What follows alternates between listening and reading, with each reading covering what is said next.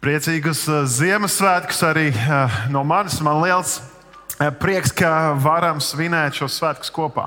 Ka mēs varam svinēt, ka mums ir dots, dots dēls, dots bērns, dots glābējs. Bet Ziemassvētki ir svētki, kurus mēs svinam. Tie ir piepildīti ar daudz dažādām tradīcijām un ar dažādām sajūtām. Man šķiet, ka Ziemassvētki mūsu kultūrā ir visizteiktākie sajūtu svētki. Kas ir tev vismīļākais šajos svētkos? Nu, es domāju, sniegs ir daļa no tā. Mēs uh, katru gadu ceram, ka uz, vismaz uz Ziemassvētkiem uzsniks sniegs. Nu, šajā decembrī laikam nevaram sūdzēties par sniega daudzumu. Man vismaz ir prieks par to. Es zinu, ka manai meitiņai arī ir milzīgs prieks. Un, eh, protams, ka Ziemassvētkos mums ir arī tā kopā sanākšana ar ģimeni. Kopīgs dziedāts dziesmas, arī baznīcas apmeklējums, pīrāgi, piparkūku smarža, varbūt pat visa tā lielā pieešanās kopā ar radiem un draugiem. Bērnu skaitīt, dzējolīši, dažādas lietas, kas mums nes līdzi šo sajūtu.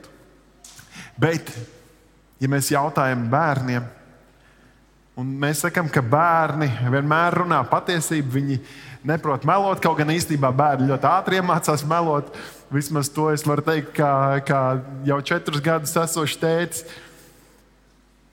Viņi vienmēr saka, dāvāns ir vissvarīgākais.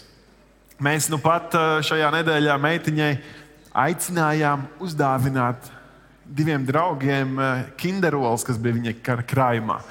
Un, eh, un viņa sākumā ļoti gribēja to darīt, bet tad viņa aptvēra, ka viņai pašai no tām ir jāatsakās. Kaut arī vecāki mēs ar sieviņu solījām viņai, ka mēs nopirksim vietā. Vai ka svētkos notiek brīnumi, un, un, un Ziemassvētku vecītis varbūt arī atnesīs viņai tās kinderolas. Bet kā viņš zinās, ka es esmu devusi? Mums patīk dot, mums patīk saņemt.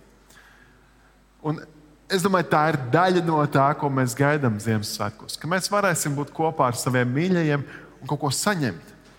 Bet mums ir liels prieks arī dot. Kā tev ir? Vairāk saņemt vai dot? Ļoti dažādi. Īpaši eh, kopš es esmu kā tētis, man ir daudz lielāks prieks dot un skatīties, kāda būs tā mazā bērna reakcija. Saņemot šo dāvanu, saņemot to, eh, iesaņot to, to sagatavoto. Nu, reizēm mēs varētu teikt, ka Ziemassvētki ir kļuvuši mazliet pārāk komercializēti. Pārāk daudz ir par tām dāvanām un pārāk maz par tām vērtībām. Un tomēr eh, došana, jeb dāvinu, dā, dāvanu dāvināšana ir viena no mūsu mīlestības valodām. Mums patīk eh, iepriecināt otru, un mums patīk redzēt to prieku, to smaidu, to pārsteigumu reizēm radīt. Es teiktu, ka iemesls tam ir tas, ka mēs esam radīti Dieva tēva līdzībā ka mūsos katrā ir kaut kas no dievišķā, un dievišķais ir tas, kas dod, dievišķais ir tas, kas dāvina. Dievs daudz vairāk vēlas svētīt nekā saņemt. Viņš vēlas dot. Bet kā būtu, ja paņemtu visu no Ziemassvētkiem nost? Nebūtu ne sniega, nebūtu, eh, nebūtu dziesmas, dzējoļi, nebūtu eglītes, nebūtu dāvanas, nebūtu piparkūks un pīrāgi, nebūtu pat ģimenes. Vai mēs joprojām spētu priecāties, vai mēs joprojām spētu pateikties, vai mēs joprojām spētu svinēt? Un es zinu, ka kādiem šie Ziemassvētki ir tādi, ka liekas, pilnīgi viss ir paņemts nost. Nav par ko priecāties. Ir sāpīgi, ir skumji. Kāds ir vientuļš, kāds ir zaudējis darbu. Kāds nezina, kā samaksāt rēķinus un kā dzīvot tālāk. Šķiet, daudz kas ir pazudis, bet vai šajos svētkos ir par ko priecāties? Un es saku, jā, noteikti. Jo mēs varam vienmēr atcerēties, ka Ziemassvētkos mums ir dots dēls. Mums ir dots dēls. Un tā ir tāda dievišķa iejaukšanās. Tas nenozīmē, ka eh, Ziemassvētkos visas sievietes dzemdē un visi vīrieši kļūst par tēviem.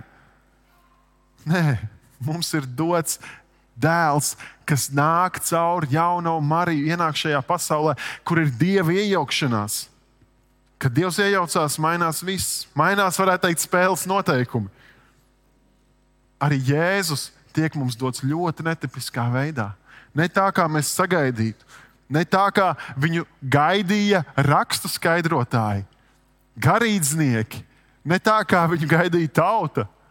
Viņš nāca veidā, kas pārsteidz pat iesaistītos. Marija, pusauģa meitene.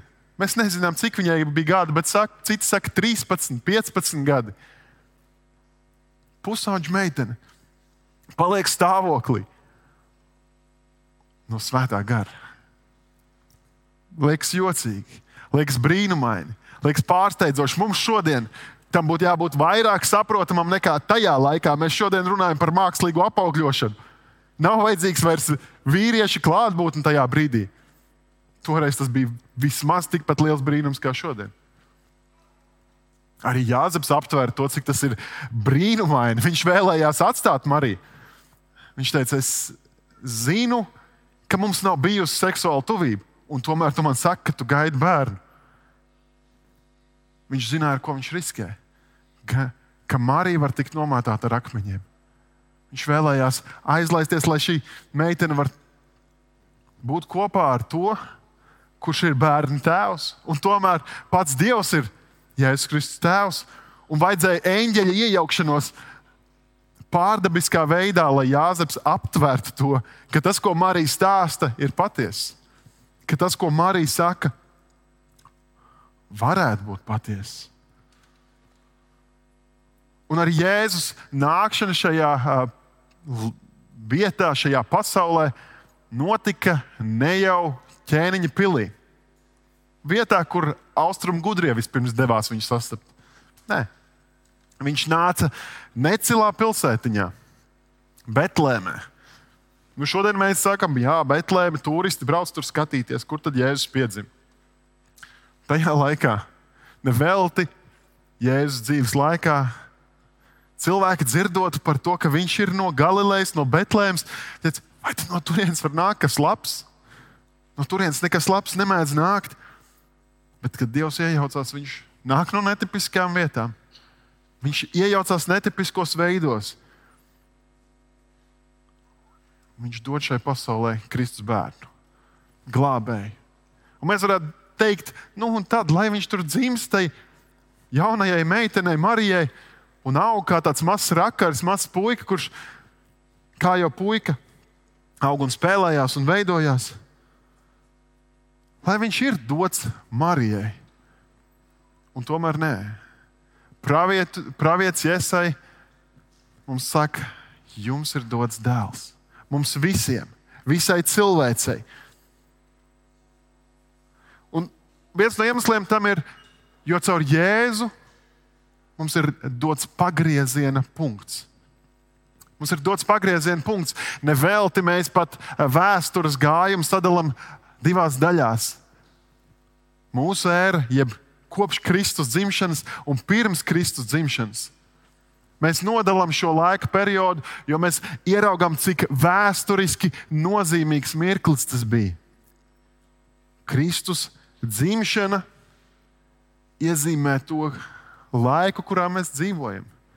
Ļoti daudz kas mainās, kultūras mainās, varas un valdības mainās.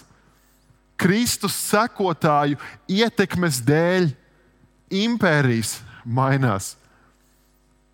Mēs dzīvojam šajā laikā, Kristus ērā, jeb ērā, kas tiek skaitīta no Kristus dzimšanas.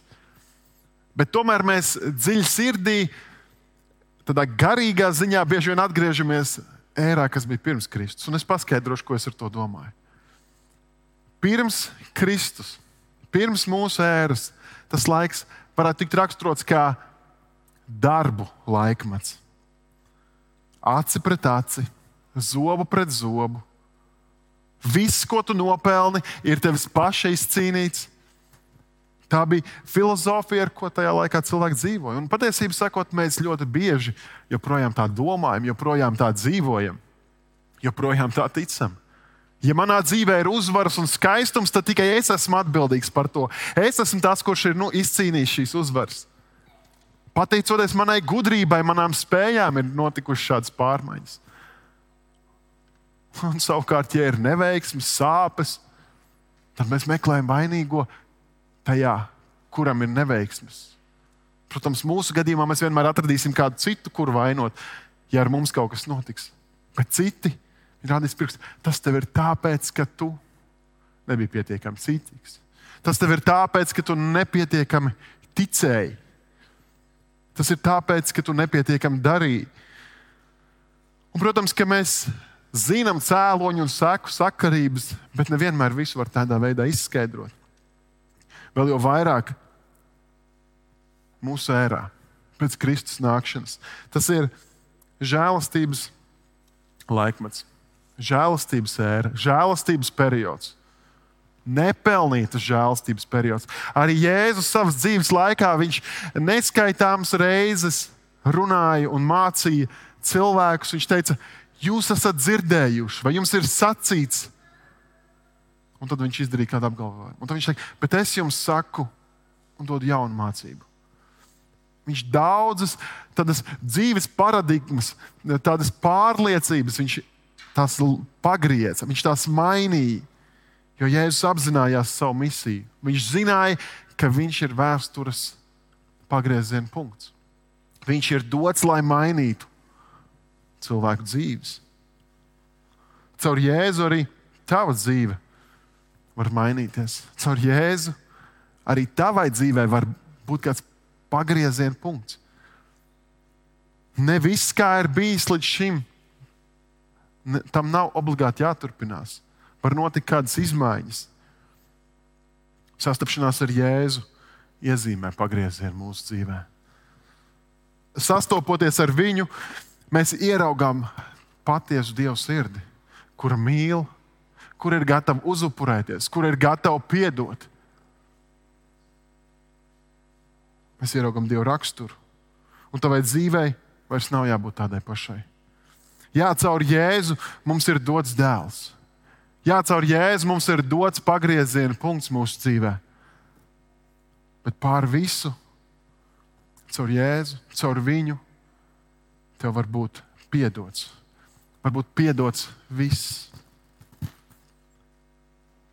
Jēzus nākšana šajā pasaulē, kā mazam bērniņam, silītē, tajā ainiņā, ko mēs vienmēr uzburam Ziemassvētkos un par ko domājam. Tas ir tikai sākums. Jēzus dzīves stāsts ar to nebeidzas. Tas tikai tur sākās.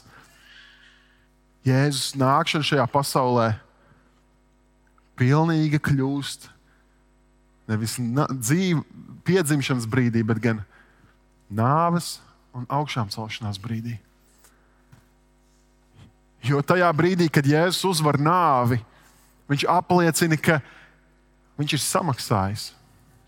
Viņš ir uzveicis nāvi. Garīgā pasaulē viņš ir uzveicis nāvi. Viņš stāv pāri tai. Viņš ir uzveicis grēku, viņš stāv pāri tam. Un sastapšanās ar Jēzu nav vienkārši kaut kāds garīgs piedzīvojums, kaut kāda apskaidrība, intelektuāla, bet tā ir patiesi dzīves transformācija. Jo neatkarīgi no tā, cik daudz pārkāpumu, sāpes un grēkus tu esi vai nu ienesis šajā pasaulē, vai pats piedzīvojis pret sevi, sastopoties ar Jēzu, tas viss var tikt piedots. Tas viss var palikt aiz muguras sastapšanās ar Jēzu ir patiesa tajā brīdī, kad nevis to intelektuāli saprot kaut kādas mācības vai patiesības no kristīgās pārliecības un reliģijas. Sastapšanās ar Jēzu ir patiesa un īsta tajā brīdī, kad tu aptver, ka visi pārkāpumi un grēki var tikt piedoti. Ka viņš ir tas, kurš to nomazgā, ka viņš ir tas, kurš paņem to nost, ka tavas attiecības ar Dievu var tikt izlīdzinātas Un tad šis dēls, kurš ir dots, šis dēls, kurš ir dots kā pagrieziena punkts visiem laikmetiem, varbūt arī tavas dzīves pagrieziena punkts, jo tev vairs nav jādzīvo savu darbu ēnā vai nedarbu ēnā. Nezinu, žagars jēzus nenes. Viņš tev piedod. Viņš dara jaunu. Kristus dāvātā žēlastība, jeb Dieva dotā dēla piedāvātā žēlastība, ir nepelnīta. Neviens no mums nevarētu apgalvot, ka mēs esam šogad vai visas dzīves garumā bijuši tik labi, ka mēs to esam nopelnījuši. Jo tad mums jēzus nav vajadzīgs. Tad šo stāstu mēs varam palikt malā. Tad, ja mēs apzināmies, ka mūsu sirdī ir kaut kāds tukšums, ka mēs ne ar savām finansēm, ne ar savu spēku, ne ar savu intelektu vai ar ko citu nespējam izlīdzināties ar Dievu, ka mēs nespējam sakārtot savu dzīvi, tad mums ir vajadzīgs Kristus, tad mums ir vajadzīga šī sastapšanās ar Viņu. Kristus dotā dāvana. Ja varētu teikt, šī Dieva dāvana, kas mums ir dota, ir iesaino, iesaņota diezgan necili. Jēzus piedzima kūtī, viņš tika guldīts traukā, no kura lopi ēda. Es nezinu, cik tas bija iztīrīts vai neiztīrīts, bet tur bija mazliet ielikts no sienas. Viņš bija iesaņots necilā iepakojumā. Bet nevienmēr iepakojums atspoguļo, kura dāvana ir visvērtākā. Visvērtākā dāvana ir sastapšanās ar Kristu. Tādēļ šajos Ziemassvētkos tu vari saņemt visvērtāko dāvanu - sastapšanos ar glābēju, sastapšanos ar to, kurš var piedot visus grēkus. Jo tev šajos svētkos ir dots tas, ka tev var tikt piedots. Tādēļ es aicinu, ka mēs varam zemoties un lūgt mūsu glābēju. Debes Tēvs, mēs Tev pateicamies par šo svētku laiku. Mēs Tev pateicamies par šo ārēji šķietami necilo notikumu, kad piedzima mazs bērniņš. Skaisti, dzīvība jauna ienāk pasaulē, bet pār visam bija tava lielā vadība. Tu šo dāvanu mums devi, lai caur viņu mēs varētu piedzīvot atdošanu. Es tev pateicos par Jēzus nevainojamo dzīvi, par viņa nāvi un augšām celšanos. Un par to, ka viņš joprojām caur savu garu darbojās pie saviem bērniem. Un ka tu joprojām ielai ticību mūsu dzīvē, ielai pārliecību par neredzamām lietām. Un ka tu joprojām esi sastopams, ka tu joprojām esi dzīvs Dievs, kurš dara brīnums. Mēs lūdzam, ka tu šajos Ziemassvētkos palīdz mums piedzīvot šo atdošanu, izlīdzināšanos ar tevi un palīdz mums izlīdzināties arī ar saviem līdzcilvēkiem. Tavā vārdā to lūdzu. Amen.